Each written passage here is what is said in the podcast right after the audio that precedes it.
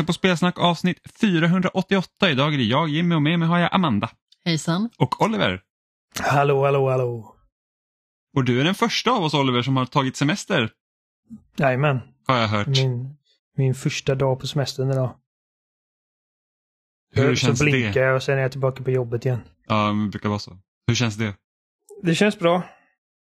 Har du några Eh. storartade planer under Mm, semestern? Inte ett skit. Ska du bara vara hemma och pilla navelludd? Ja, eller ja, det ska vi göra lite inte. Eh, vi brukar åka till Jennys farmor och farfar. De bor uppe i Ställdalen. I alla fall en gång om året och hälsa på för att de är över 90. Man vet inte hur länge de kommer vara med oss.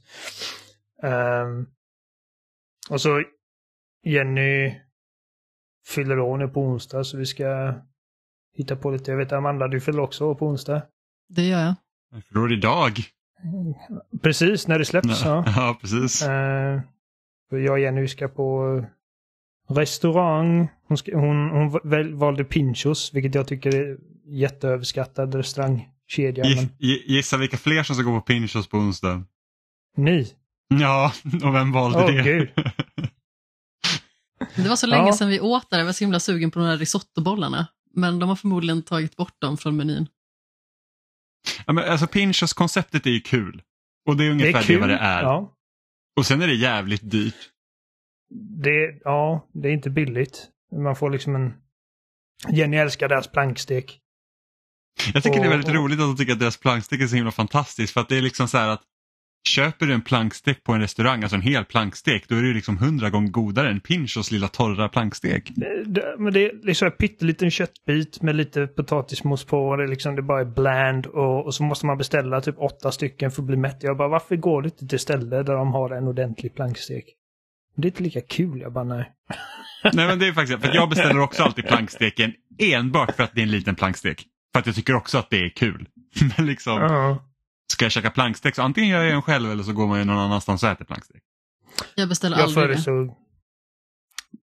Nej, det det är risbollar för dig som gäller. Ja, men alltså risottobollar är ju jätte, jättegott. Och det finns kanske inte riktigt någon annanstans här i stan där man skulle vilja äta det. Jag Men det skulle jag vilja äta bättre mat så skulle jag ju gå någon annanstans däremot. För att om man ska vara helt ärlig, det är ju inte en fantastisk meny. Man äter ju inte där för att man vill ha liksom en magnifik kulinarisk upplevelse utan det är liksom mest kul med lite småplock. Får man lite popcorn när man kommer dit också, det är alltid trevligt. Ja, det är väl kanske inte riktigt höjdaren för mig. Alltså du ont i magen. popcorn? Ja, men det är väl gott med popcorn, men jag får alltid så himla ont i magen efter ett tag. Ja. Oj! Du vet att man inte ska käka majskornen va? Och inte heller pappersförpackningen. Nej, precis. Du börjar puttra in i Amanda för att alla majskorn här till de börjar poppa där inne när det blir varmt. Jag föreslog något franskt, men, eh, men det är inte jag som fyller år. Nej, så då, då, blir, då blir det miniplanka liksom på Pinchos. Ja. men alltså, vi bor ju i en ganska så liten stad och det känns som att vi går runt på någorlunda samma restauranger om och om igen i och med att det inte finns så många. Ja, vi skulle ju kunna äta vid betydligt fler än vad vi har gjort. Det finns ju fler än vad vi har ätit vid. Ja, det finns, men det är inte precis som att någon av dem är så himla mycket bättre. Nej, nej, men Hur vet du? alter, alternativen finns. Som sagt, Jag tycker det det är är en kul. liten stad, få restauranger och de som man verkligen uppskattar har man ju ätit på ganska så många gånger. Till exempel Ambrosia som eh, vi åt på, på Jimmys födelsedag. Där har vi ju ätit otroligt många gånger. Mm. En grekisk restaurang, de har jättegoda mat. De har otroligt god mat. Mm. Fast jag beställde två stycken förrätter förra gången, just bara för att huvudrätterna är så himla stora. Så eh, tog jag två små istället som eh, bildade en bra helhet. De har så här feta knyten med eh, sesamfrön och eh, honung på. Otroligt gott. Men Oliver, ost. Har, du, du som redan har liksom semester, har du, är det något speciellt spel du liksom vill spela nu när du är ledig? Liksom så här att ah, det där har jag skjutit eh, på och inte spelat jag tidigare. Jag hoppas hinna spela Final Fantasy 16 så att det blir färdigt någon gång. Eh, men jag antar att du frågar något som jag inte redan har spelat. Ja, jag, jag Eh. tänker ja, om, du har, om du har några sådana planer, jag vet inte. Så är det. Alltså, jag tror att jag kan inte ha jättemånga timmar kvar på 16 nu. Uh, 10 max. Kä- Ja, beroende på ifall jag tänker ta Platinum eller inte. Men till slutet i alla fall. Du måste klara Eh. spelet två gånger för att ta Platinum. Jag vet, men andra gången kan man väl skippa alla sidogrejer och det är ju det som tar all tid. Ja, det. Och hoppa över alla mellansekvenser. Det är 11, 11 timmar bara klyvda bara där. Ja. Ehm, och sätta på alla sådana här typ eh, liksom babyringar så att spelet spelar sig själv. Bara lägger ner Vad kontrollen och låter dem prata. babyringar? Det finns, det finns eh, accessoarer i spelet som gör typ att du dodgar automatiskt, du gör bättre kombos, liksom, att bara- alltså, typ, alltså så att det blir lättare helt enkelt. Eh, och det är många som har missat att de här eh, tillbehören är då valfria att ha på, så vissa har ju bara equippat dem och sen bara varför är spelet så lätt?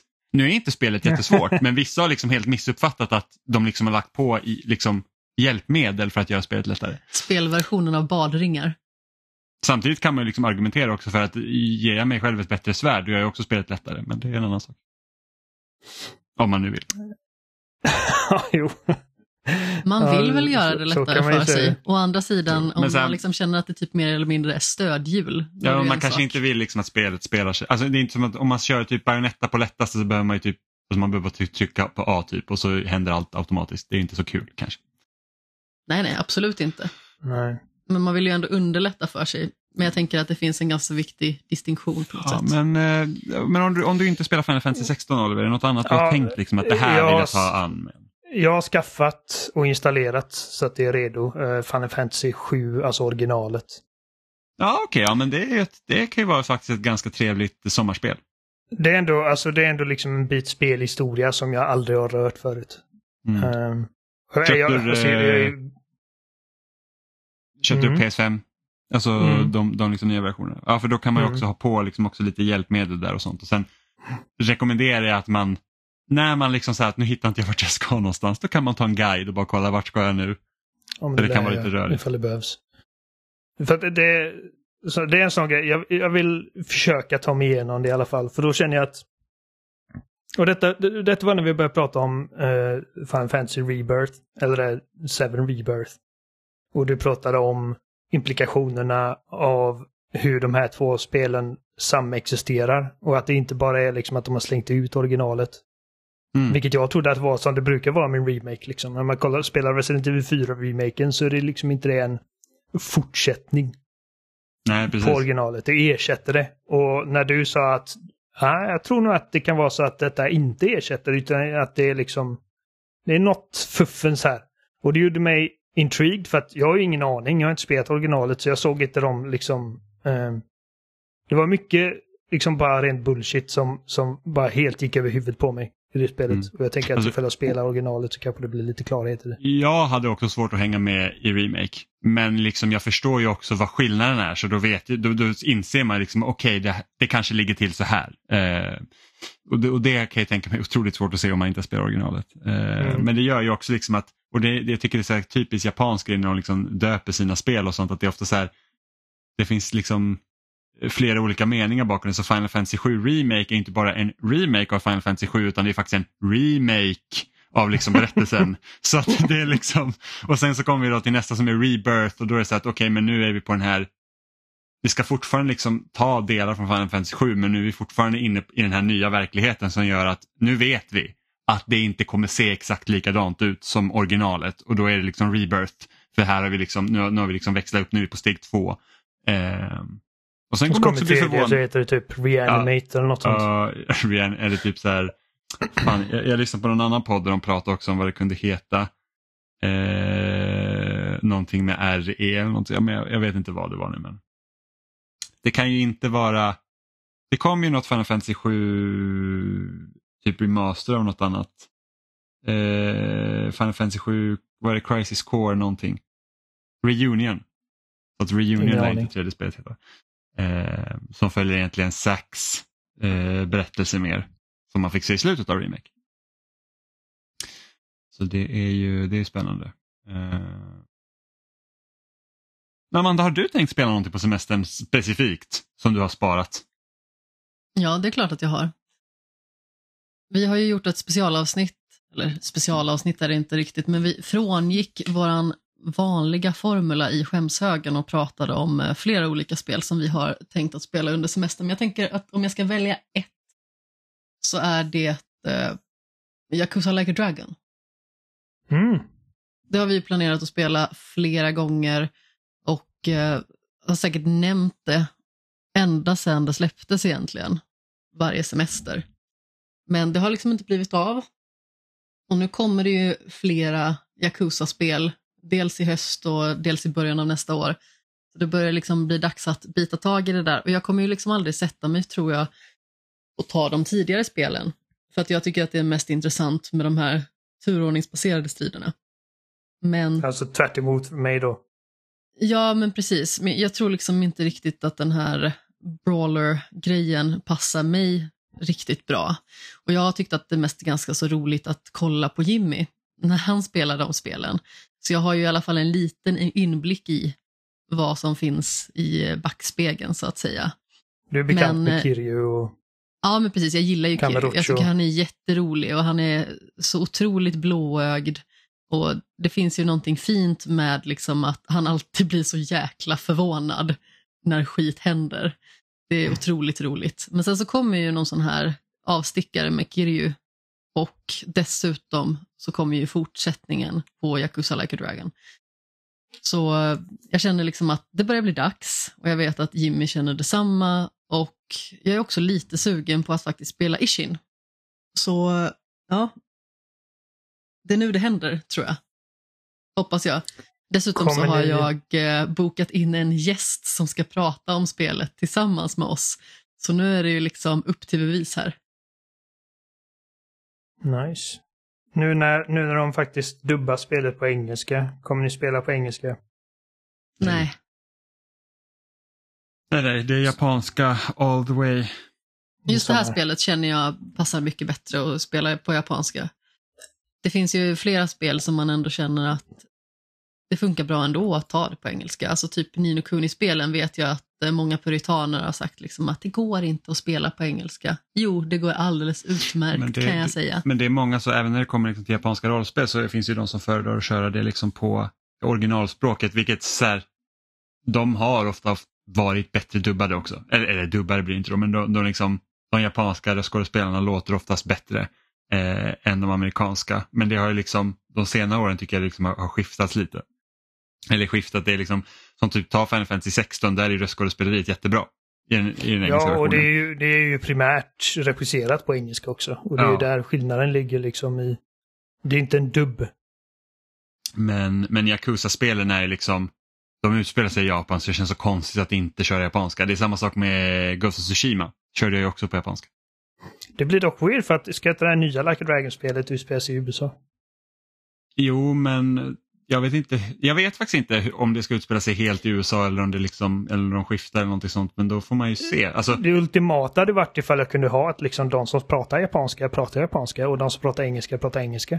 ja, för att man vill ju inte gå från att höra Ishiban på japanska i Like a Dragon och sen så kommer man till uppföljaren och så pratar han med en annan röstskådespelare engelska. Då blir det så här, precis. nej, så att, men de spelen kör jag på japanska. Det Han, jag eh, jag, är det, jag kommer inte ihåg vad han heter, men han som har fått bli castad som Kiryu på engelska. Um, Jag, jag vet faktiskt inte, jag har inte koll på det eftersom jag... Okej, jag är så- han, han har gjort en del. Men i alla fall så han var jätteglad över detta. Han Liksom där, typ, jag, jag flyttade till eh, Los Angeles eller vad det var han sa. För liksom min dröm var att få spela en AAA-protagonist. Liksom, och nu kan jag säga att jag är Kiryu och jag älskar den här serien bla bla. Och det är ju skitstor grej. Ehm, Mm. Men och så på engelska får man ju inte nanny. Nej. Det är en stor förlust. Eh, ja. Det är ju ja, det. eh, Det är ja okej. jätteroligt. Varje Eh, gång. Men det kom ett... Uh, ja, jag håller inte med. Men eh, det, kom, det kom första klippet så här på, på hans liksom, engelska röst och han blev liksom bara slaktad. Bara, det här är så jävla kast, bla bla. För mig handlar det mer om att... För mig låter Kiryu på ett visst sätt. Liksom. Mm. Hade, hade jag spelat Yakuza, detta och kommande spelet och spelat det på engelska från första början så hade han blivit min Kiryu. Ja. Ehm, Så att, ja nej, det är inte en liksom tacksam position så sett liksom när det kommer till fansens mottagande. Liksom för att det Nej, verkligen inte. Men samtidigt kan inte folk liksom bara typ vara snälla? Normala. Liksom så, att, så att du behöver liksom inte tycka om det men det är så att du behöver heller inte vädra din åsikt. Och nu säger jag liksom inte det liksom att du inte får kritisera saker för det är klart du får göra det. Vi gör ju det hela tiden men det är också så här att varför ska man såga en person som ger röst till en karaktär som han inte varken har skrivit eller liksom han har inte regisserat heller. Det är någon som säger åt honom hur det ska vara. Liksom. Så han gör sitt bästa säkert ut, ut efter de parametrarna han får. Och sen så om, om, om största då problemet är att det där är inte Kirjo för mig, då är det ett ganska litet problem då. Egentligen. Precis, Eh, eftersom att du behöver inte spela på engelska. Liksom. Exakt. Eh, så det, det är en sak om, om det japanska nu bara blir helt otillgängligt för oss. Då hade jag också blivit lite gnällig kanske. Ja men det hade jag också blivit men det är knappast Eh. röstskådespelarens fel. Nej, precis. Eh, så att... Men det skulle chocka mig ifall det var så att ja, det blir någon sorts regionlåst, att du kan bara spela på engelska. Ja nej, då hade jag flyttat till Japan med min Xbox och så, satt den på japanska och så får jag köra. Eh, men, men ja, det, det, jag tycker det är så intressant med här liksom hur Alltså egentligen, för att vi som har varit på internet så himla länge nu och liksom ganska, alltså vi var ju ganska tidigt på internet liksom och, och har varit med från att liksom moderera forum till att vi liksom har stora så här, sociala mediejättar nu som knappt kan sköta moderering överhuvudtaget. Eh, för att jag spelade, jag köpte faktiskt Battlebit Remastered. Eh, som är det här low poly Battlefield liknande spelet på Steam. Jag vet inte Mhm. om ni har hört talas om det. Ja, du har ju hört talas om det Amanda för vi bor ju tillsammans men jag vet inte om du har hört talas om det Oliver? Nej. Nej, så, så det här är, och det finns bara på Steam, men det, det har liksom sålts i så många exemplar så att jag, jag har otroligt svårt att se att ingen av Sony eller Microsoft pratar med den här utvecklaren och säger att ta det här spelet till konsol. Eh, men det är typ som Battlefield Bad Company 2 slash Battlefield 2. Alltså det är liksom bort med allt det jävla bullshit som har präglat Battlefield sen typ Ja, man, alltså man kan egentligen säga det ser ut som trean, även om jag gillar både trean och, och, och fyran blir bra sen. Eh, men liksom så att det, det, det, det är inget, liksom, det ser ut som Roblox. Men du kan liksom skjuta sönder väggar och sånt. Folk liksom spelar sina klasser och allt det här. Men det, det som är så intressant också med det här spelet är att de har ju så att de vill att du optar in i gamechatten. Eh, så att när du startar spelet så får du välja så att ah, men vill du liksom automatiskt ha på in-game chat och proximity chat och det. Eh, vi rekommenderar att du har det. Så att man kan kommunicera med sina teammates.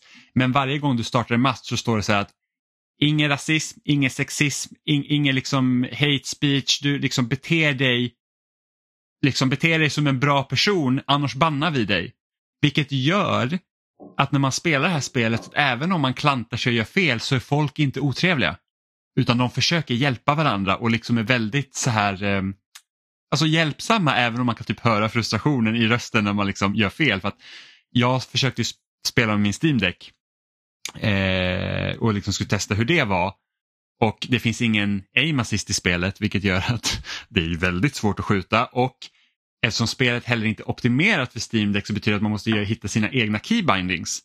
Så att det var en kille som dog framför mig och han bara Kom igen, tryck på tre så kan du hela mig. Ta upp mig bara på tre, det är lugnt, stressa inte, ta trean. Och jag säger bara Det finns ingen tre-knapp på min Steam Deck. så att, ja, så det blir, det blir lite frustrerande. Men, men liksom, jag tycker att det är så en intressant grej att liksom så här att EA har ju till exempel haft problem, alltså de fick ju typ jättemycket så här backlash från nötterna då när de liksom sa så här att ah, men om du är upprörd för att en kvinna är på omslag på Battlefield så stick typ. Och folk har varit liksom sura på det och tror att det är liksom det anledningen till att Battlefield 5 inte sålde eh, som förväntat. Men liksom så här att man har så svårt i så här stora multiplayer liksom spel att, att få bort skiten. Och, och, och här var det liksom så här att du beter dig annars är du ut. Liksom, den uppmaningen får du hela tiden och då verkar liksom folk svara på det också. Vilket jag tycker är ganska uppfriskande. Och jag är Ja. medveten om att det finns en skillnad här i också att Battlebit Remaster har kanske sålt ja, men, kanske fyra miljoner exemplar nu, jag vet inte. Och så har du Battlefield och Call of Duty som så här, Call of Duty som säljer typ 20 miljoner varje år. Ish, eller mer, jag vet inte. Och Battlefield liksom gick i så här 10-15 miljoners klassen liksom.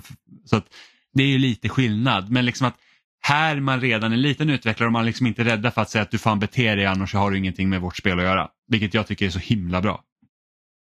Mm, ja, men det är jättebra. Lite Vad ska du själv spela på Gran semester, Turismo. Jimmy? Är det likadant i Gran Turismo? Nej, men just liksom att eh, för att ens få börja spela online-matcher så, så måste du gå, få körkort i hyfs i, i eh, Gran Turismo Sport. Ja, det är rätt så Eh, roligt. Liksom att, och det blir, du får penalties ifall du krockar med andra spelare. Liksom att det, det, det läggs väldigt mycket vikt på sports, sportsmanship. Så du har Ja. ett liksom, bättre community, online-community eh, i Gran Turismo än vad du har i typ Forza. Där liksom alla bara kör som att det är road rage. Ja, och jag tror ju att... Eh, jag tror ju liksom att, att, att det är kanske liksom en sån uppmaning man måste bara ge hela tiden.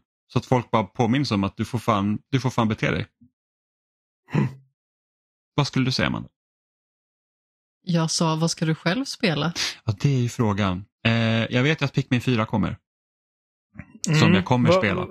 vad- jag, alltså när jag tittar på det, det, det får, ja, mm, jag vet inte. Jag vet inte varför jag inte blir sugen. Men är det för att det bara är mer Pikmin? Alltså är det Nej, typ det? nej, jag tror att det ser lite för annorlunda ut mer. Vad- Hur tycker du att det ser annorlunda ut? För att jag tycker att det ser ut som mer Pikmin. ja, det är någonting med miljöerna är inte lika fina för det första. Eh, I alla fall, alltså, menar, nu har jag bara sett väldigt lite av det. Uh, ska vi se. Eh, jag tar upp... Visst, alltså det, det har fortfarande med liksom lite färggranna miljöerna och, men, men det ser också ganska liksom syntetiskt ut som att det... Ah, jag vet inte. Jag har jättesvårt, jag har skitsvårt verkligen att sätta fingret på vad det är med, med just Pikmin 4 som inte gör mig jättesugen. Eh, den här hundgrejen som man rider runt på, det ser weird ut. Ehm, men samtidigt så det finns ju också liksom så här inomhusmiljöer där man går runt i någons kök och det kan ju bli en kul grej antar jag. Ehm, jag, vet inte, jag, jag, köpte, jag köpte faktiskt originalet på Switch nu när det släpptes eh, i samband med direkt. Köp, köpte du kombo av 1 och 2 eller köpte du bara Nej. original? Bara originalet. Ehm, jag eh, har aldrig varit jätteförtjust i tvåan. För att det blev liksom mer av en dungeon crawler lite. Um, men trean tycker jag är asbra. Trean är det jag har haft mest roligt med och det är det enda i serien som jag liksom faktiskt tagit mig igenom. Uh, ettan tyckte jag om när jag spelade på GameCube men jag tog mig aldrig igenom det. Så det är liksom okej, okay, efter då jag har klarat eller övergett Final Fantasy 7 så är det nog Pikmin 1 som står näst på tur i sommar. Um, Mm. Jag har ju en liten förhoppning om att jag ska spela Marvel Midnight Suns. jag har inte gjort det än. Nej, nej alltså det spelet ska ju vara skitlångt. Och det kommer ju spela hela tiden så det finns ju liksom ingen tid. Eh, men om tid finnes så, så är det nog ett spel som är, alltså för det, det är liksom typ Mass Effect blandat med XCOM. Det låter ju liksom nice. Så, Mm. Eh, och just det här med att man kan sätta, alltså de här liksom superhjältarna kan liksom hamna i olika situationer beroende på hur du liksom, liksom vem du interagerar med och hur du liksom väljer att, alltså det, det, det var, jag bara tycker att det är väldigt kul. Hur, hur sa du Mass Effect blandat med XCOM? Ja, för att du, liksom, du har ju typ du har ju typ re- realt, du har så här strategidelen där du liksom är ute och slåss med de här eh, superhjältarna typ.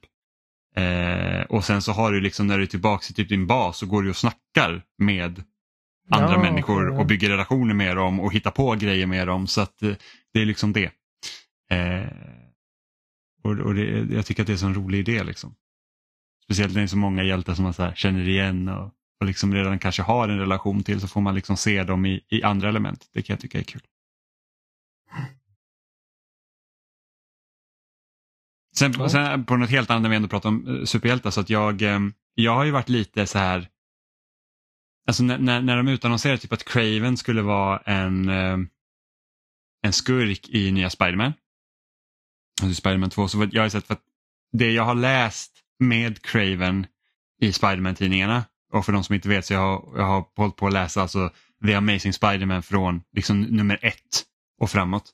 Eh, från alltså 60-talet och nu är jag i slutet av 80-talet. Hur bra var Eh. han i först, liksom absolut, liksom födseln av den karaktären. Alltså jag tycker ändå det har varit ganska nice liksom rakt igenom. Alltså man märker att det är lite gammalt och liksom det kanske är svårt att hitta lite så här Ja, men liksom 60-talet ändå, då, var liksom, då hade man säkert ett sätt att skriva serier på och man märker mm. ju, liksom, ju, ju, mer åren går ju liksom börjar man liksom ta tag i, i andra ämnen och sånt. Men, men liksom, alltså Spiderman har varit ganska progressiv. Liksom, det har varit, det har liksom varit uppe om så här, eh, Freedom March, liksom sen med Martin Luther King och allting sånt och Black Panthers och hela grejen. Liksom. Så det, alltså det är en serie som är väldigt politisk många gånger. Eh, mm. Samtidigt som den liksom verkligen dyker ner i, eh, i Peter Parker som karaktär, obviously. Liksom.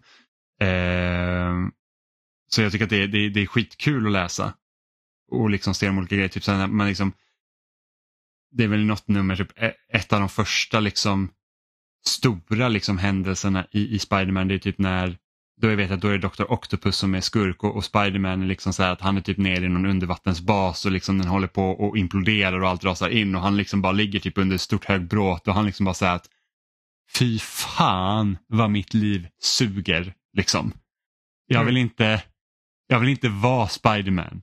Liksom det, här, det här är, det är skitjobbigt. Liksom. Eh, som är så här, det var liksom första så här, riktigt fantastiska berättelsen. Så man var så här, Åh, och det, det här är ändå på 60-talet och man tänker liksom så att det var då, liksom. vad, vad gjorde man då? typ? Eh, men jag har ju varit lite så här tveksam till Craven som skurk för att jag tycker att Crave, alltså Craven-delarna i The Amazing Spiderman hittills har ju varit liksom skittråkiga. Alltså jag tycker att han är en ganska löjlig, löjlig skurk. Ja, jag, jag, jag är inte riktigt liksom, ja det är en jägare typ.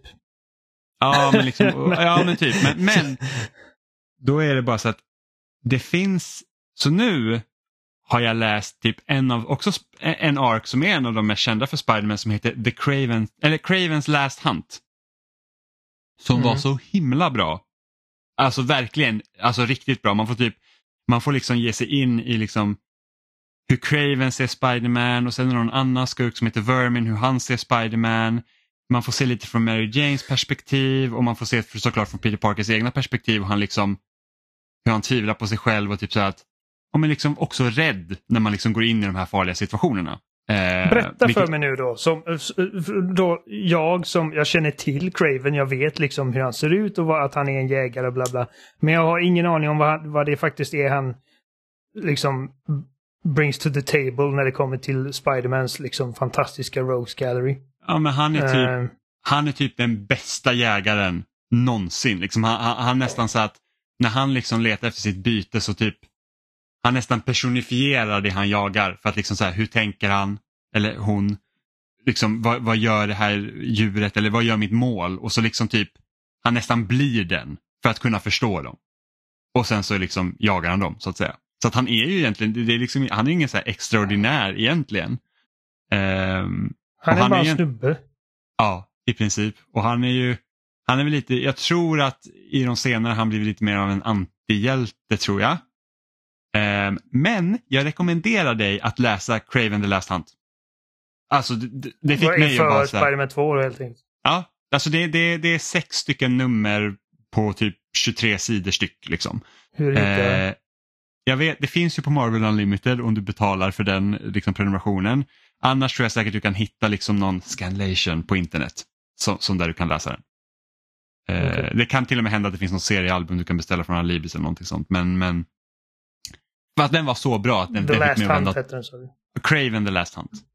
Eh, för det är ett av de mest kända liksom, eh, berättelserna i Spiderman-universumet. Men alltså, den fick mig att vända totalt. Ja, om Insomnia kan göra någonting sånt med Craven, då är jag, då, då är jag verkligen så här, yes, jag är så med på det.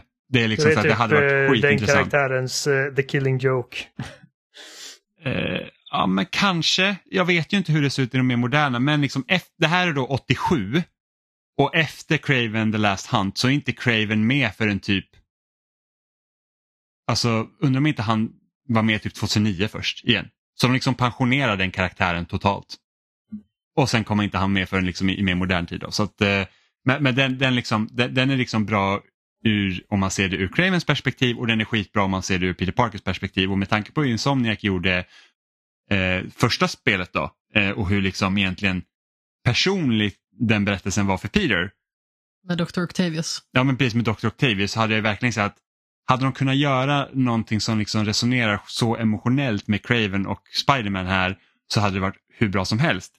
Problemet dock är att Venom är ju då huvudskurken vad vi vet.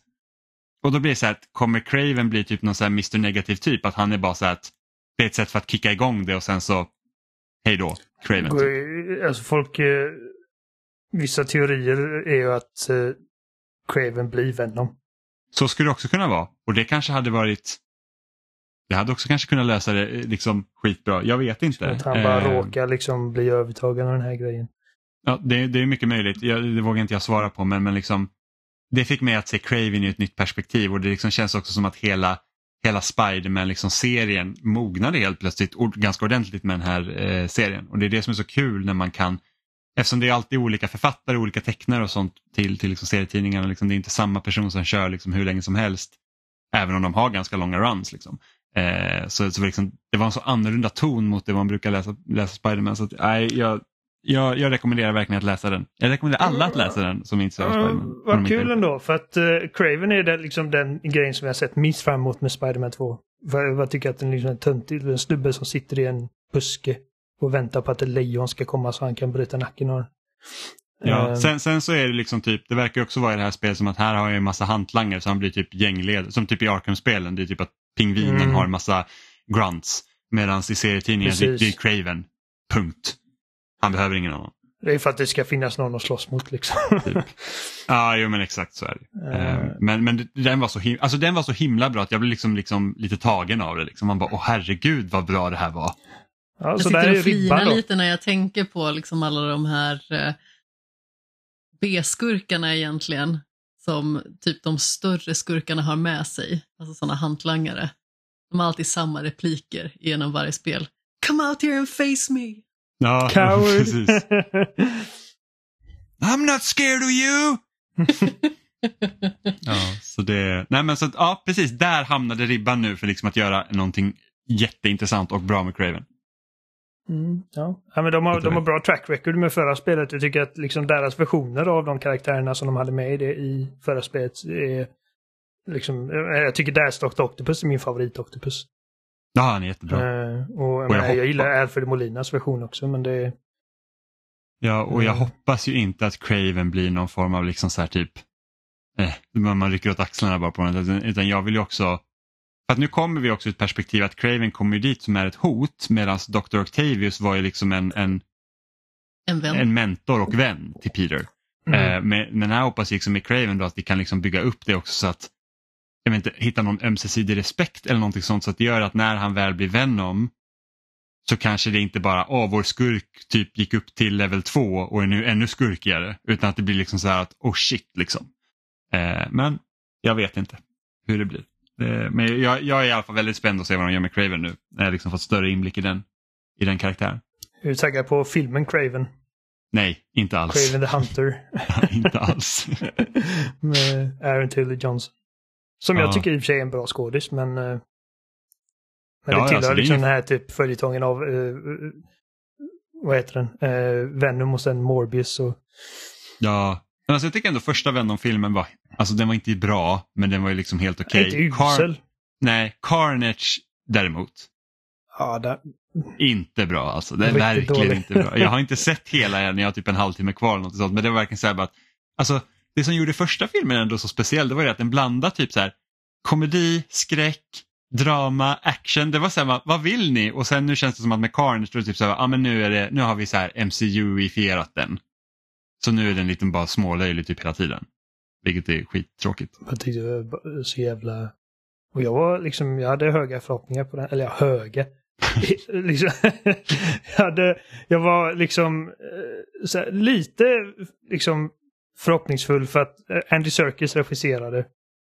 Och uh, han är liksom en, en, bra filmskapare. Uh, och uh, Carnage är liksom, ja, det känns som den, liksom den givna liksom skurken i en Venom-film antar jag. Mm. Men, men, men det, det påvisar också liksom bara hur lite Venom och Carnage faktiskt har under ytan. Um, ja. Det, det är inte intressanta karaktärer liksom. Bara Cletus Cassidy, eller vad han heter. Mm. Men de har liksom inte lyckats göra det intressant. Det är ju det som är problemet. Och hans Eh. fru som skriker högt. Ja, nej. Och det är det som ofta har varit så bra med då Spiderman-filmerna, speciellt alltså, som jag gillar i de Spiderman-filmerna som Sam Raimi gjorde. Eh, och just att liksom, och, och även så här Into the Spider-Verse är ju likadant att det är liksom att Spiderman är inte alltid i fokus utan det är liksom Miles och Peter som är i fokus. Mm. Så att du får liksom så att det, det är inte bara en stor liksom actionfest. Liksom typ jämför med några bottenskrapet nu i fas 4 på MCU. Liksom. Det, det är så här Ant-Man. Liksom.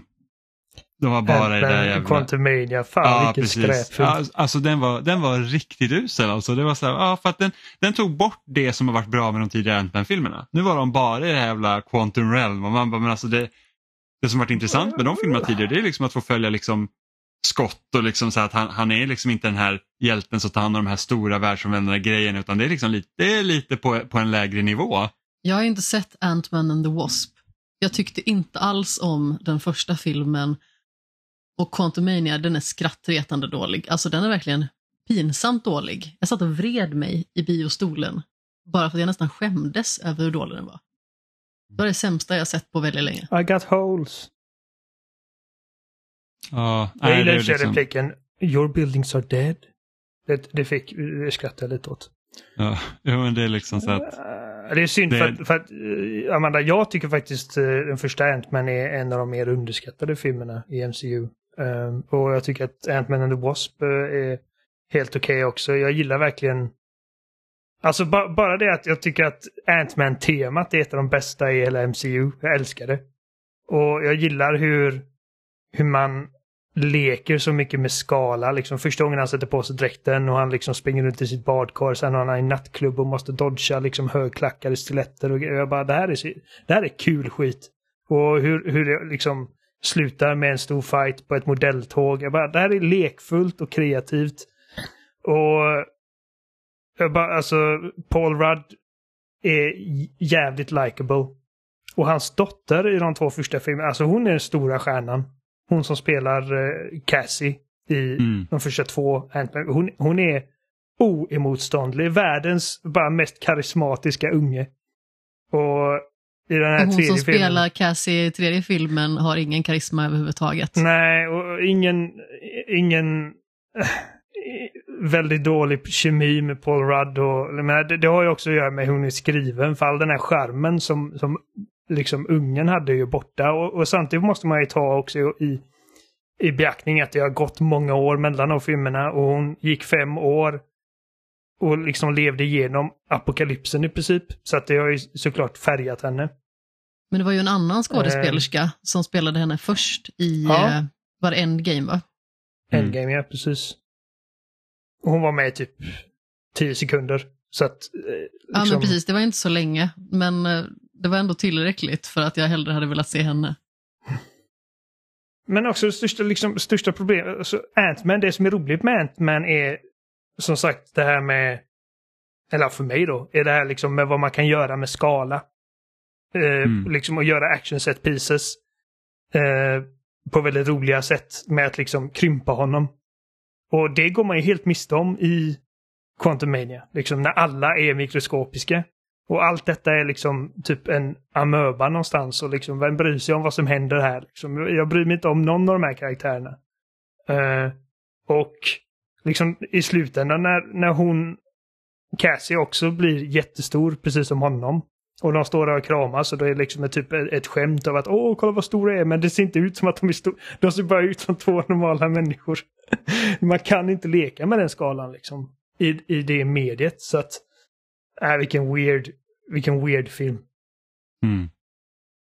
Och så skulle de Ja, sätta upp faktiskt. Kang som den här liksom nästa Thanos, liksom den näst, nästa liksom det här verkliga existentiella hotet. Och Ant-Man lyckas slå han i en nävkamp liksom. Jag bara, åh fan. Men det var bara en. Saken är att han är så många. Jo, jo, jo, men de andra liksom, verkar inte vara onda eller eh, jag fattar inte. Alltså de... De, de, alltså de, de, de, de sitter på för mycket makt vilket gör dem typ onda. Så, Det är liksom det hotet de vill bli. Det, det är liksom att typ någon av dem har insett att de försöker göra, eh, ja, det, det är lite rörigt. Jag, jag, kan inte sätta fingret på exakt vad men det är i alla fall inte bra. Och sen han... Eh, anklagelserna mot honom också. Det är jävligt uh, komplicerat för Marvel Studios nu. ja, verkligen. Men ja. Jag vet inte, har du sett Secret Invasion än? Har du börjat se den? Nej. Nej, inte jag heller.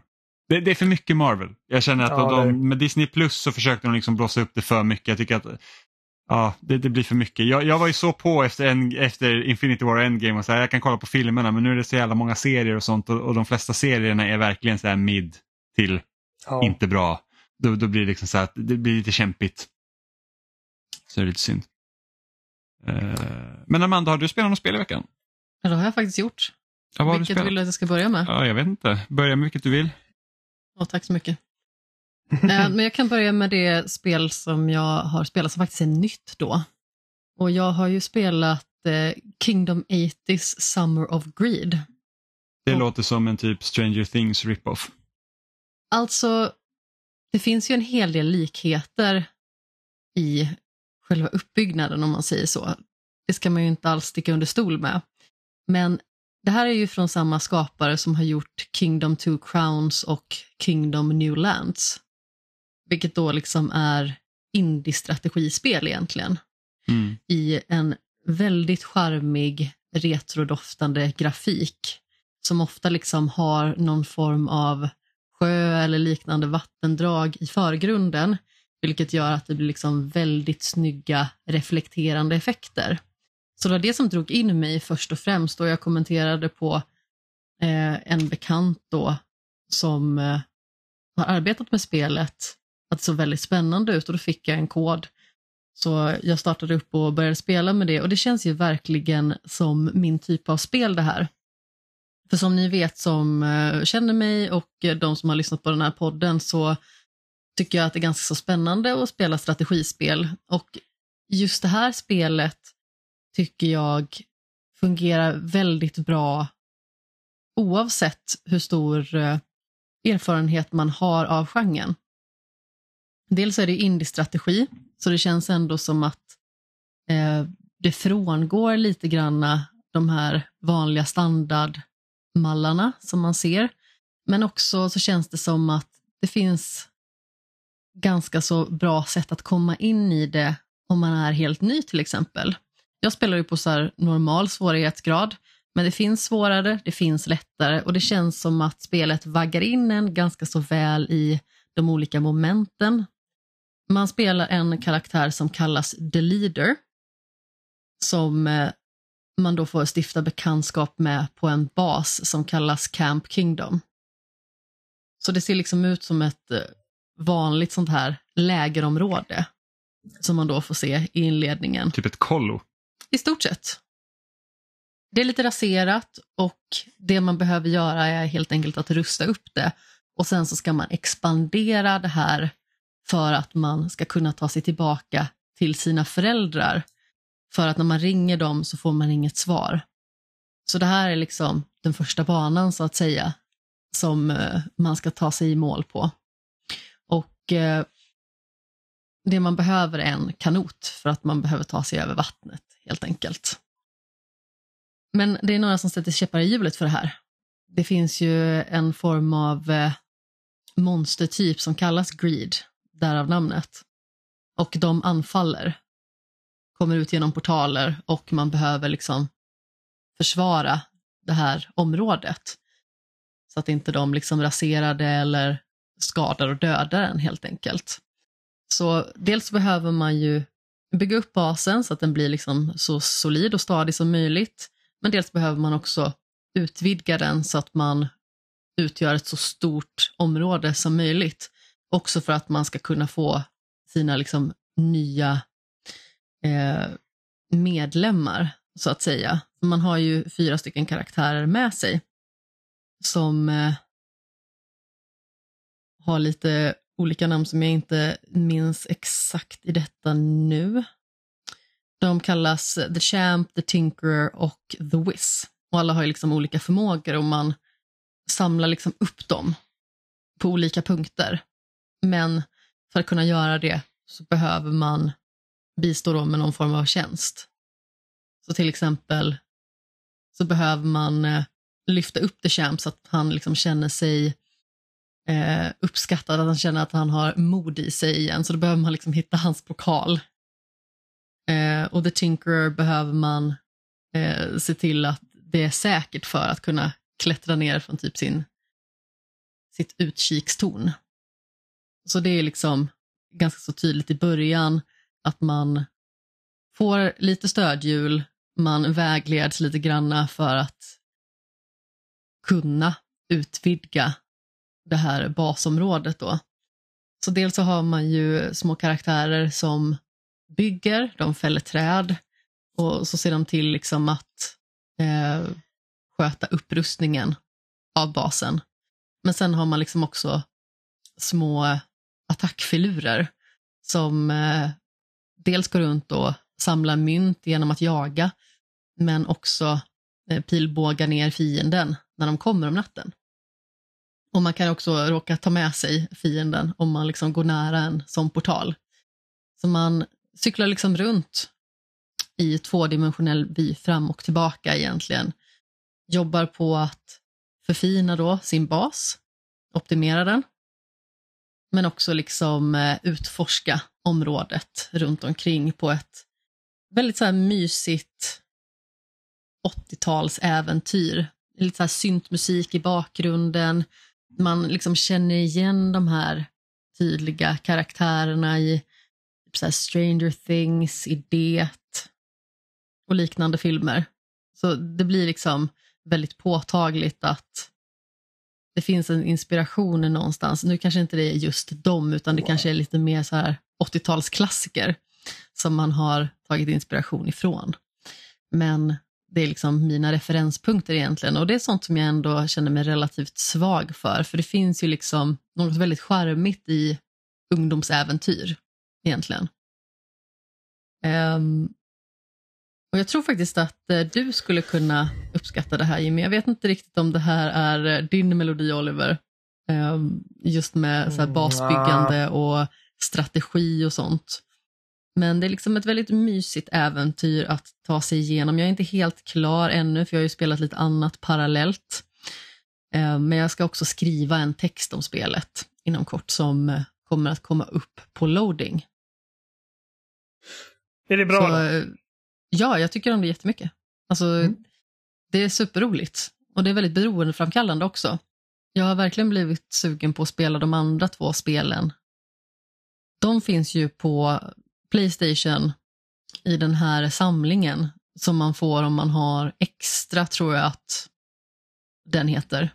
För det är väl typ Essential, Extra ja, och Premium eller någonting jag sånt. Jag har faktiskt ingen aning vad den där Jag minns inte. Heter. Det är mellansteget i alla fall. Det vill säga liksom... Steg två. Ja, men eh, snäppet högre än att bara få de här månadsvis spelen. Mm. Typ.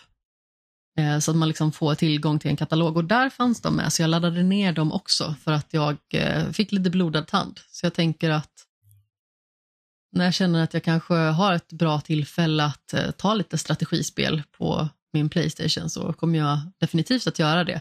Nu vet jag att det är ett av dem, jag minns inte vilket det är, om det är Newland som är ganska så långt. Alltså som är i mycket större skala. Eh, men jag tror att Two Crowns är lite mer överkomligt, alltså typ 10-15 timmar eller någonting. Det här verkar vara lite kortare. Det är ju liksom en eh, fristående expansion som utspelar sig i samma universum egentligen. Vilket då innebär att ja, men det är ju en annan fokuspunkt så att säga, en annan tidsera. Och det är liksom inte lika expansivt. Men jag tycker att man definitivt borde testa det om man dels uppskattar sådana här strategispel som ändå är ganska så lättillgängliga men man kan göra dem svårare om man vill. Och eh, dessutom uppskattar den här liksom retroflörtande stilen. För det ser ju faktiskt eh, fantastiskt ut. Och jag har spelat det på Steam Deck nu också för att jag tror inte att det har kommit på någon annan plattform än PC. Än så länge. Det ska komma på typ allt. Men eh, jag har spelat det på din Steam Deck då, Jimmy. lånat den lite grann. Och Mm. det har varit en angenäm upplevelse också. Det känns som en bra konsol att spela den typen av spel på också. Alltså i likhet med Switch egentligen, för att jag uppskattar ju att kunna sätta i viloläge och sen fortsätta när jag känner för det. Det brukar jag göra på Switchen liksom. Så, eller jag brukar sätta i viloläge på Playstation 5 också, men det är lite lättare att plocka upp sin Switch om man har den bredvid sig och bara liksom köra en kvart. Sen så gör man någonting annat och sen så kör man en kvart. Alltså lite mer så småputtrande spelande egentligen. Vad var det andra spelet du hade spelat? Det andra spelet jag spelat är Firewatch. Ja. Men eh, det är ju en omspelning. Däremot så försökte jag att sikta på att ta alla troféer. Det är inte jättemånga. Det är ju grundspelets troféer som är typ så här fem stycken och sen så är det någon form av expansion med troféer som då innefattar typ dag 2 och 77 eller någonting i den stilen. Jag minns inte exakt vilka dagar det var. Det är inte jätteviktigt för berättelsen så att säga. Men eh, jag tatuerade in Firewatch på min arm. Eller en bild egentligen från Firewatch. Och det fick mig att bli sugen på att eh, spela om det igen, för att det var ändå ganska så länge sedan. Jag tycker otroligt om spelet eh, redan innan. Och eh, nu när jag har spelat det ytterligare en gång och eh, faktiskt kanske då upptäckt nya saker, nya nyanser och sånt, så gillar jag det nästan ännu mer. Och för de som inte har spelat Firewatch så handlar det helt enkelt om en man som eh, helt plötsligt råkar ut för en väldigt stor förändring i sitt liv. Det vill säga att någonting händer med hans fru som gör att de behöver separeras från varandra och för att kunna hantera det här så blir han skogsvaktare i ett eh, stort reservat. Och I det här reservatet så stöter han på Delilah via eh, kommunikation då över eh, lur. Så de eh, håller liksom den linan relativt öppen, pratar om mycket, de kommer varandra nära, delar liksom eh, sina känslor, sina erfarenheter, eh, vad de står i livet helt enkelt. Och som sagt, de kommer varandra väldigt nära. Och det är ju liksom en relation som inte är så himla lik någon annan. Just bara för att den förs bara över liksom radion egentligen. Man får aldrig träffa Delilah ute i det vilda liksom. Vad skulle du säga Oliver? Eh, det är ju Rich Summers som, som har med i bland annat Mad Men. Eh, och uh, Cissi Jones som spelar Delilah och båda är riktigt bra i spelet. Ja, men precis. Man får ju inte se någon av karaktärerna heller, utan det är ju första persons vy och sen så har man ju bara radiokommunikation sinsemellan. Eh, så det är liksom inte så mycket fokus på så här, karaktärernas uttryck rent visuellt, utan det handlar ju liksom mer i hur de kommunicerar verbalt med varandra och nyanserna man kan utröna därigenom. Och sen så börjar ju mystiska saker hända i det här området och man liksom börjar försöka gå till botten med det. Och det är ett ganska så kort äventyr, men jag tycker ändå att det har någonting väldigt säreget. För att trots att det är någonting väldigt märkligt som sker i det här reservatet, så känns det ändå som att den här relationen är det absolut mest centrala. Och det är också det som lämnar ett väldigt stort avtryck när spelet är slut. För att eh, jag har sällan känt så eh, starka, förvirrade känslor för en karaktär som i slutet av det här spelet. Det får man ändå säga. Ja, jag, jag känner mig också eh, kluven av slutet. Ja, men precis. Jag är absolut inte missnöjd med slutet. Jag vet att många tyckte att det var ett antiklimax och jag håller inte alls med. För att jag tycker inte att eh, alla slut behöver vara Hollywood-slut, helt enkelt. Eh, men det är vissa som eh, är väldigt fästa vid det. Och eh, nu fick jag ju dessutom se lite mer i och med att jag gick in för att ta de här troféerna. Jag blev attackerad av en tvättbjörn bland annat. Vad trevligt. Sen så var jag liksom du? och hämtade lite grejer. Vad sa du? Överlevde du? Ah, ja, det gjorde jag. Inte som när jag och Oliver bli, blev attackerade av en jävla grävling i Far Cry 4. It's a crazy honey badger. det var ganska roligt. Man måste ha varit där tror jag. Men grävlingar är ju också eh, lite mer envisa än vad tvättbjörnar är. Don't Grävlingar biter ju tills eh, det krasar liksom. Ja, grävlingar är så farliga faktiskt. Fick man alltid vara försiktig när man red när det var mörkt och man hörde grävlingar. Bara så att fick man inte rida nära för att de kan ju bara knipsa av liksom ett hästben Ja, men precis. De har väldigt vassa tänder. och starka käkar. Precis eh, vad jag skulle komma till. Så det finns ju liksom en sån vedertagen uppfattning om hur man ska hantera det när man är ute i vilda, att man liksom har stora kängor eller stövlar på sig och så fyller man dem med sten. Mm. Inte kul att köra på en grävling heller för de är stenhårda. Ja, jag har aldrig kört på Nej, inte vi heller, men det, eller inte vi, inte jag heller, men jag vet om att det är liksom så att många, man har ibland sett liksom, man har kört på en grävling och sen när bilen flyger liksom in i något räcke för att de liksom, det är som ett jävla gupp. Liksom. Gud. Ja. Ja, men som sagt, har man inte spelat Firewatch så rekommenderar jag det varmt. Jag spelade det på Playstation 5, men det är ju Playstation 4-versionen. Och det är ju ändå ett spel som är så här sju år gammalt tror jag, i år. Och det känns ju fortfarande lite styltigt. Man märker att det finns lite skavanker här och där. Men jag tycker ändå att man kan se förbi det just på grund av att berättelsen har så himla mycket att erbjuda. Man kan forma den lite mer som man vill också i dialogen och sådär. Men kontentan av berättelsen är i mångt och mycket densamma. Och introt gör mig liksom blödig varje gång, bara jag tänker på det, bara jag hör låten. Jag synd att den studion inte fick göra fler spel. Verkligen. De hade verkligen någonting på gång med det spelet. Mm. Så blev de uppköpta av Valve och sen så fick de inte göra fler spel. Nej men de arbetar ju på Half-Life Alyx och lite sånt. Och jag hoppas ju fortfarande att om det blir ett Half-Life 3 så är det Sean Vanneman som får skriva det. Det var han som skrev Firewatch. Och första säsongen av Walking Dead. Mm, precis. Eh, men Oliver, du och jag vi har fortsatt på Final Fantasy 16. Mm. Så hur långt har du kommit? Eh, så jag har ju fått alla sju sådana här icon. Mm. Så du börjar närma dig slutet om andra ord. Jag antar det. Jag måste förmoda det. Det, kan inte vara långt kvar som jag sa förut. Liksom. Ehm. Men jag... eh, Jag håller fortfarande på och liksom...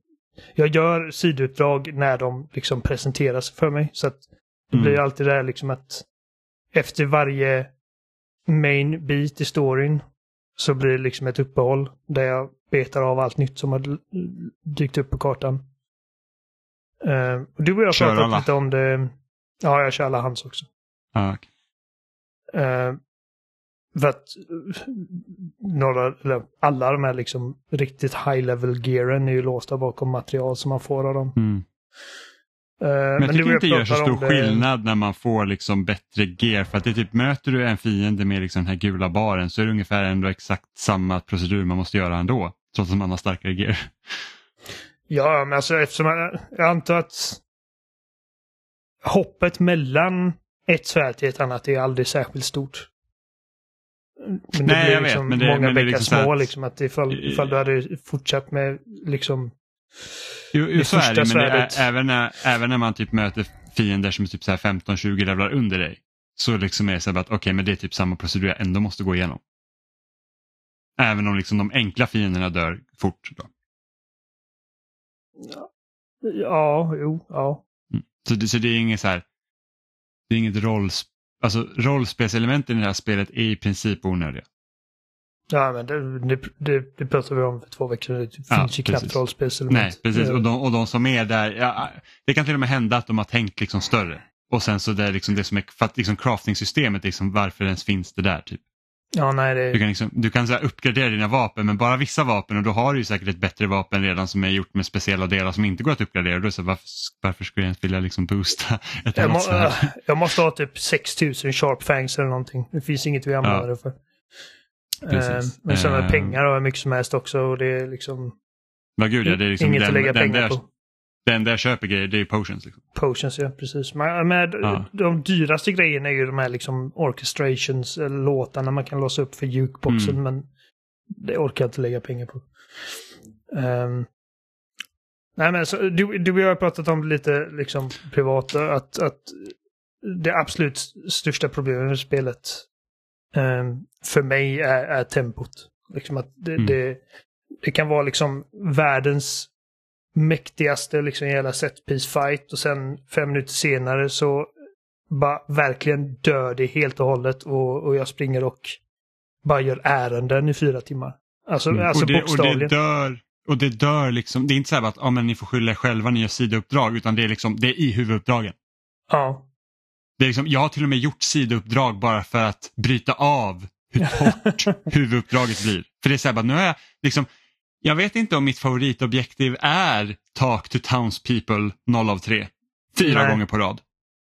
Alltså verkligen fyra gånger på rad. Det är så att ja, men nu pratar man med de här tre och sen går man tillbaka till den gubben man fick eh, liksom, uppdraget var och sen nej men nu ska du ut och beta, ta, prata med tre andra. Och det är så att, det är inget vettigt. Alltså, det känns inte som att jag får liksom lära mig mer om världen eller karaktärerna så jag börjar till slut liksom bara spola förbi dialogerna för att det ska gå fortare. Ja, men det gör jag också. Men, men, men det är för att alltså, texten är ju där så jag läser dialogen snabbare än vad de säger den. Så att jag får liksom ändå informationen men jag bara hoppar över det så snabbt jag kan. Uh, mm. Det, ja nej men jag, jag håller med. Alltså, det, värst är det efter Titan-fighten. Ja, uh, för att det där var liksom, jag bara, alltså jag nästan satt och skrattade åt liksom bara uh, den dissonansen eller den liksom kontrasten i att för att den Titan-fighten är alltså, det är en massiv jävla fight liksom. Alltså den, den är både lång och uh, så här, episka proportioner liksom. Det är, så att det är svårt att beskriva hur jävla massivt det är. Mm. Och sen liksom några minuter efter det så bara går jag och plockar grejer och liksom pratar med folk och bara Alltså verkligen är eh, liksom jag är postnod typ. Alltså jag bara hämtar eh, riktigt fetch quest. Mm. Uh, av den liksom tristaste sorten. Och sen efter Bahamut-fighten så, så blir världen jävligt trist för att här, himlen mörknar så liksom färgen, den lilla färg som fanns i spelet försvinner. Mm. Um,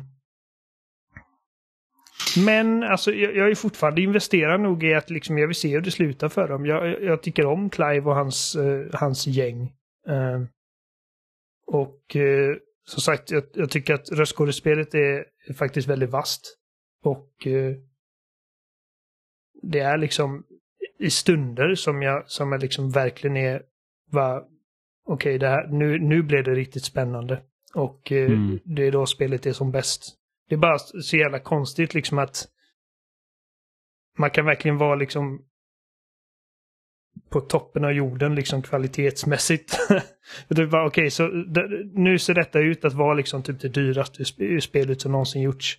Och sen efter det så är det liksom det styltigaste, bara tristaste. Och, mm. och, och, det, och det, är så, det är så tråkigt egentligen med typ moderna, och det har blivit så med moderna spel och det här kommer du märka när du spelar Final Fantasy 7 och jag tror du redan märkte det i remaken, det är det att i Final Fantasy 16, liksom det du gör är att slåss mot fiender eller plockar upp saker. Det är det du gör. Ja. Det, liksom, det, det, finns liksom inga pussel, ingenting. Det, det är det du gör. Gameplay, typ, ta... det är liksom, det är strider. Det... Exakt. Det, det är liksom till så att när jag, jag klarar ut det då, så att, så att när jag liksom kom mot slut, jag var så här att alltså, jag vill inte ha ett rum till med fienden, nu vill jag bara liksom, jag vill se det här klart nu liksom för att det blir inte mer utmanande. Utan det, är liksom, det går på repeat. Eh, men, men liksom så här, ta då Final Fantasy 7 och även remaken, för det, det var det jag också var orolig när remaken kom. Jag bara, kommer de ta bort det här lite, liksom så här, typ att man får göra lite olika grejer i originalspelet. Du behöver inte, det är inte bara strider och gå liksom. Eh, och det finns ju kvar i remaken. Du, får liksom, du har ju de här skotttävlingarna och du får liksom göra lite olika saker vilket mm. det, det, det, det spicar upp gameplayet lite och det händer inte i Final Fantasy 16 vilket är lite synd. Nej. Liksom, Nej, det, och... det, det, är väldigt konstigt för att det är som jag sa liksom att det är en sån jävla kontrast i när spelet är som högst och när det är som lägst så känns det som två helt olika spel. Jag kan mm. inte minnas när jag spelar någonting som verkligen skiftar så hårt i kvalitet. Mm. Uh, för att liksom som sagt, det är tur då att, att, eftersom att spelet i princip bara är antingen då liksom, ja det är när man inte är strider så är det ju liksom storyn då som man får hoppas att den griper den. Eh, och Mm. ibland gör den det, ibland gör den det inte. Eh, men som sagt, striderna är liksom det är där spelet är. Ja. Och, Icon-fighterna är ju liksom... Alltså det kan ju vara bland... Alltså, alltså man tänker typ, och nu vet, inte, nu vet jag att du inte tittar på så mycket anime Oliver, men man, man liksom säger att när man tittar på en riktig så här shonen anime där det liksom är typ de här galnaste jäkla flygsekvensfighterna Mm. eh, och det är, det, är liksom, det är jättesvårt att återskapa i spelform. Det är liksom, och, och som att du gör också att du ska känna dig aktiv, för ofta så tar ju eh, spelet ifrån dig kontrollen och får man se någon häftig sekvens och sen får du liksom gå så här till business as usual när det är din tur att spela. Mm. De har ju löst lite det i Final Fantasy 16 är liksom att det är häftigt att slåss redan bara för sig men sen också när det kommer till de här att du tappar lite kontrollen så kommer det ändå små interaktiva moment som vi pratar här med så här cinematic clash och cinematic, du vet. Liksom, det gör ändå lite att man känner sig delaktig. Även Ja. om du liksom inte gör så mycket. Men liksom att, så de här häftiga liksom anime-sekvenserna då som jag kallar dem, de får du också vara med på. Så det, alltså, alltså pulsen är ju verkligen högt uppe då för att det, det är liksom, det, alltså det är så häftigt. Det går liksom inte beskriva. Bahamut-fighten var liksom... Det var helt otroligt.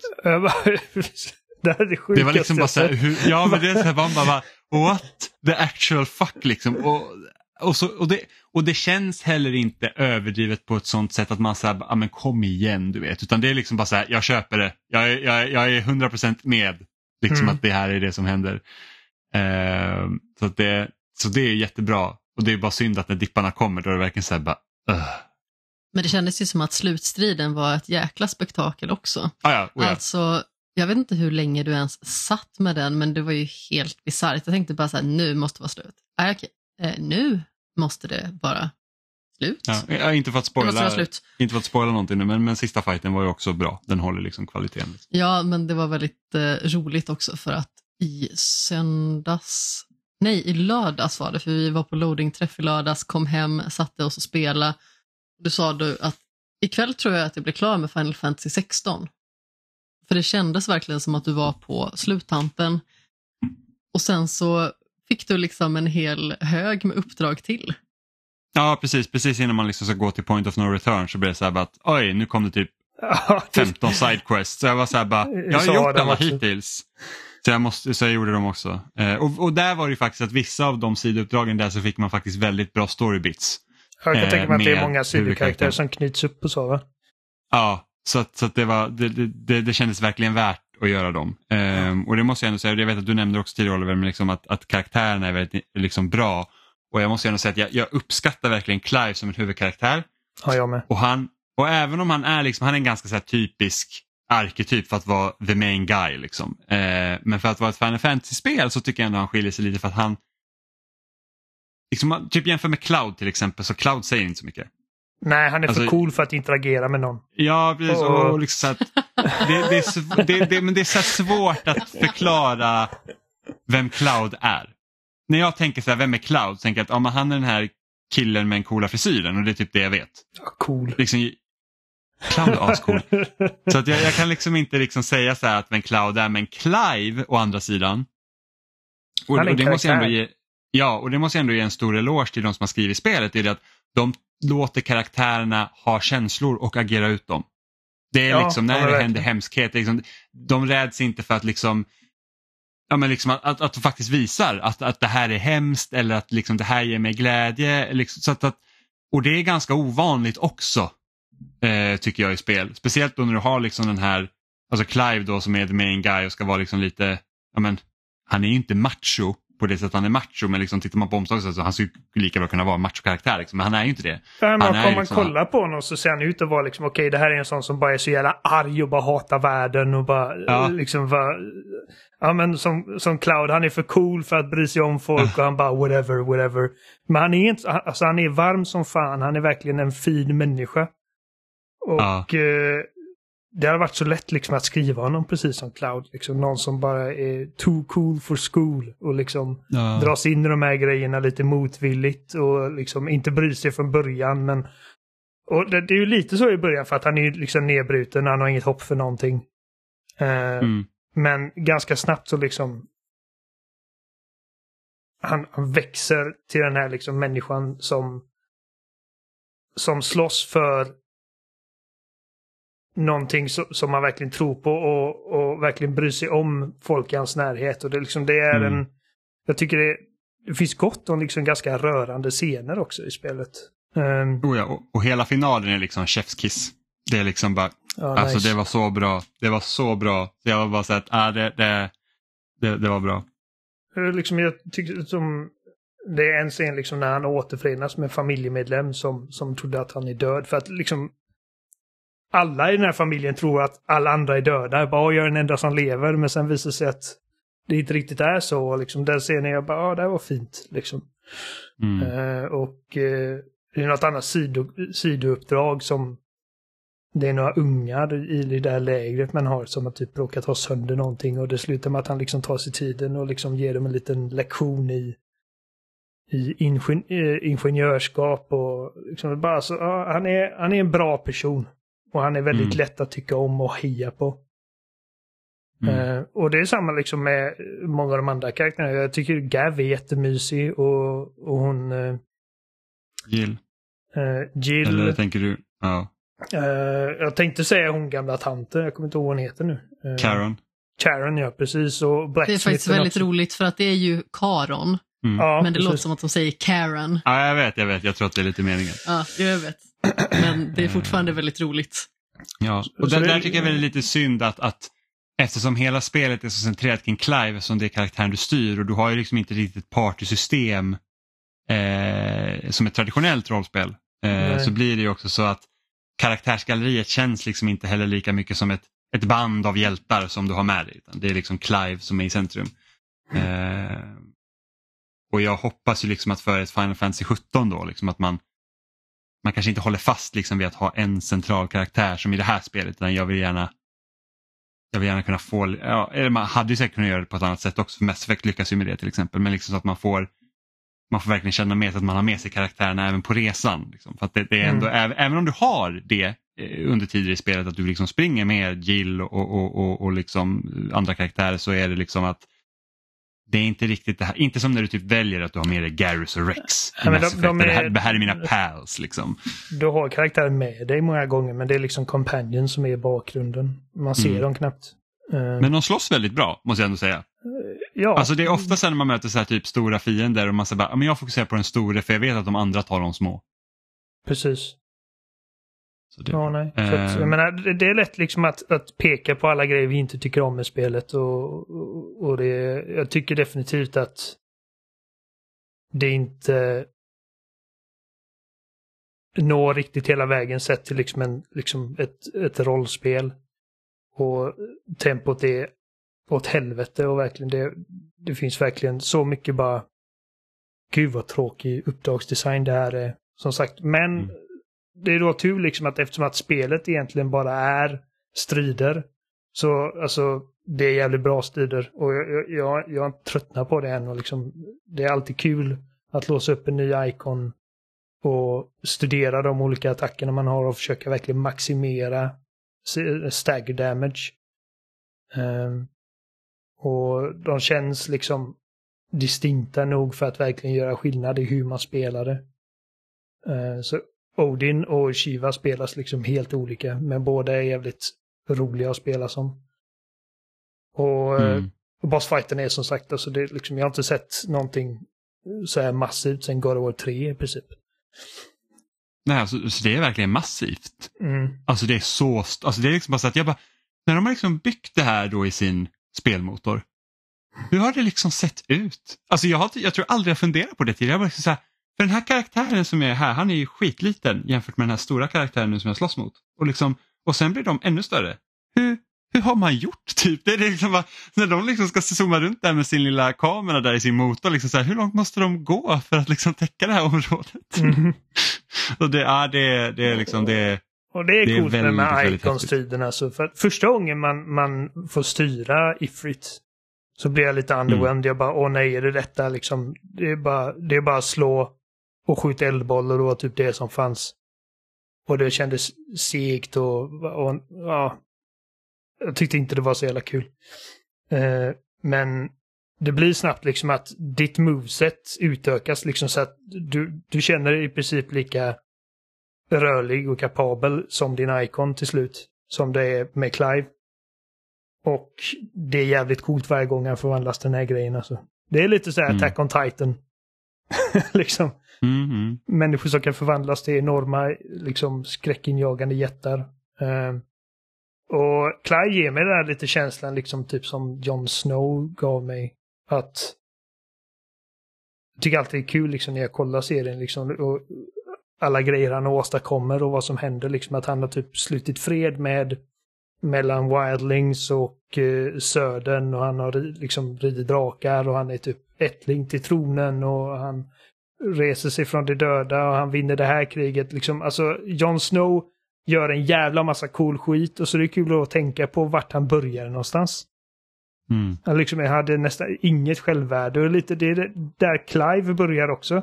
Att han är infödd i den här liksom mäktiga familjen. Men är lite av en outsider. Eh, så lite liksom, hans pappa tycker om honom men, men morsan tål honom inte. Mm. Och han älskar sina syskon, men syskonen är liksom viktigare än vad han är. Och han anser sig inte riktigt höra hemma och liksom inte lika mycket värd. Och liksom gå på den här resan då liksom där, där det bara växer och växer och växer och han får växa med det. Det, det, det är nice. Mm. Sen så är det dock bara det att, det pratade vi om förra veckan också, att det här, han, det här liksom hela grejen med typ bearers så att liksom de ska typ slå sig fria eller någonting sånt, det glöms bort för sen liksom mer magic, mambo jumbo och liksom stora gudar och liksom världsomvälvande grejer liksom. Ja, alltså han, han, i grunden så är ju liksom hela, hela hans uppdrag är ju baserat på liksom att skapa en värld där folk är jämlika och inte blir förslavade för att de föds annorlunda. Men sen presenteras det här liksom ultimata hotet. Som, Och sen glöms det bort. ja, för Och sen, då- och sen och liksom när hela, då ska det typ, det blir som att man liksom, okej då är det mänskligheten mot det här stora hotet. Ja, Men det är liksom, när det stora hotet då liksom försvinner, då är det egentligen så här att ingenting har egentligen ändrats förutom att de lever en till dag typ. Så, så känns det liksom. Men jag ska inte säga mer.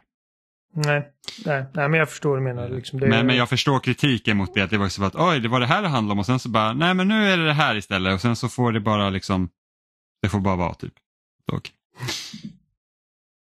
Ja, men det, det, det börjar som en ganska liksom politiskt laddad berättelse.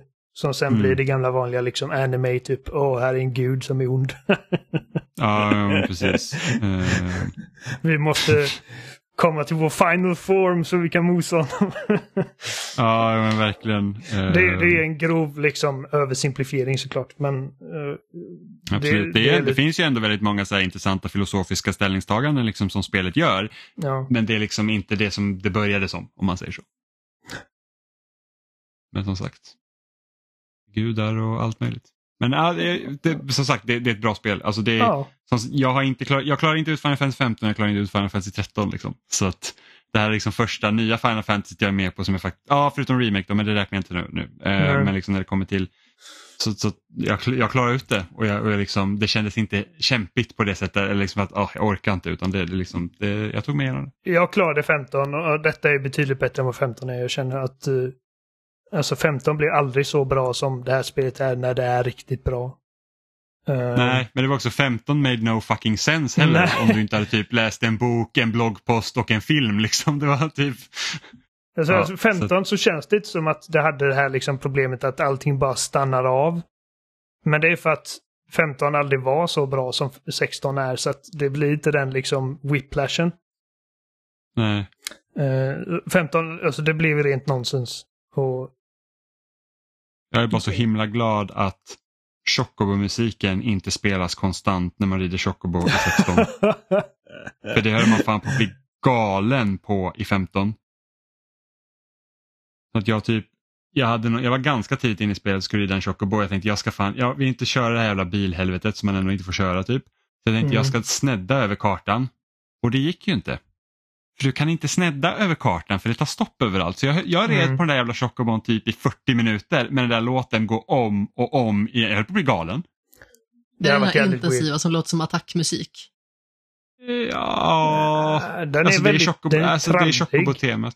Precis. Så det, det är Eh. liksom, det är typ, känns som att du ska typ vara på en karneval och sen sitter du Ja. fast i en typ en stol och någon bara blästar den här musiken i dina öron tills du liksom blir galen. Och ber dem att typ hugga av öronen från dig. Jag försöker minnas den men jag kan verkligen inte det. Det är i alla fall superirriterande. Men det finns inte här. Nej. Men, Nej, men, men det, bra- jag tycker fortfarande om spelet. Det, det är ju liksom inte... Jag trodde liksom att okej, det här kommer vara liksom topp tre i år. Men det är det definitivt inte för att det har varit ett jävligt bra spelår. Men som sagt, det betyder inte att spelet är dåligt. Men jag har sett vissa säga att det är re- rent av dåligt och det tycker jag inte. Det, det finns dåliga delar men på det stora hela så... de- De som vill ha liksom mer som ett rollspel i ett traditionellt avseende kan nog tycka att det inte är speciellt bra. Ja, För det är inte absolut. riktigt det vad det spelet är. Eh, men som sagt, alltså jag tror liksom de här Icon-striderna det är typ det häftigaste jag har spelat i år. Det, liksom, det, det, det, försvinner liksom inte från näthinnan när jag liksom tänker på spelet. Det är liksom bara så att det var så coolt. Mm. Jävligt välgjort. Så, ja, verkligen. Och liksom så bara alla effekter bara som, alltså det, det händer så mycket på Man, skärmen man ser Man knappt ibland vad det är som händer.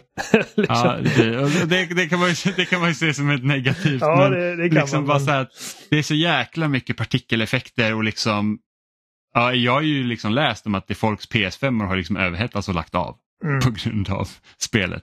Det har inte hänt mig. Eh, men, det liksom, men det händer jävligt mycket så det, det, det, det är rätt häftigt att man kan, kan göra det. Nu är jag så jävla bajsnödig va? Eh, Ja, men jag tänkte också att vi är, vi är, vi är, vi är klara eh, för idag. Eh, och ni hittar oss som vanligt på spelsnack.com. Där finns också länkar till alla ställen som finns som Spotify, Apple Podcast, RSS-flöden, Facebook, Instagram, Youtube, Twitter. Vi finns lite överallt. Ni kan gärna kommentera på avsnittet antingen på loading.se eller några av våra sociala medier eller skicka ett mejl till kontaktetspelsnack.com om ni vill att vi ska prata om någonting eller om ni har någon kommentar så tar vi gärna upp det i podden. Och jag och Jimmy pratar ju också om ganska så mycket spel i Skämshögen-avsnittet som släpptes igår tisdag. Så när man har lyssnat på det här så får man jättegärna lyssna på det avsnittet också om man inte redan har gjort det, ifall man vill ha mer spelsnack. Ja. Så hörs vi igen om en vecka. Hej då! Puss i ljumsken. Hej då, nu ska jag se Cocaine Bear.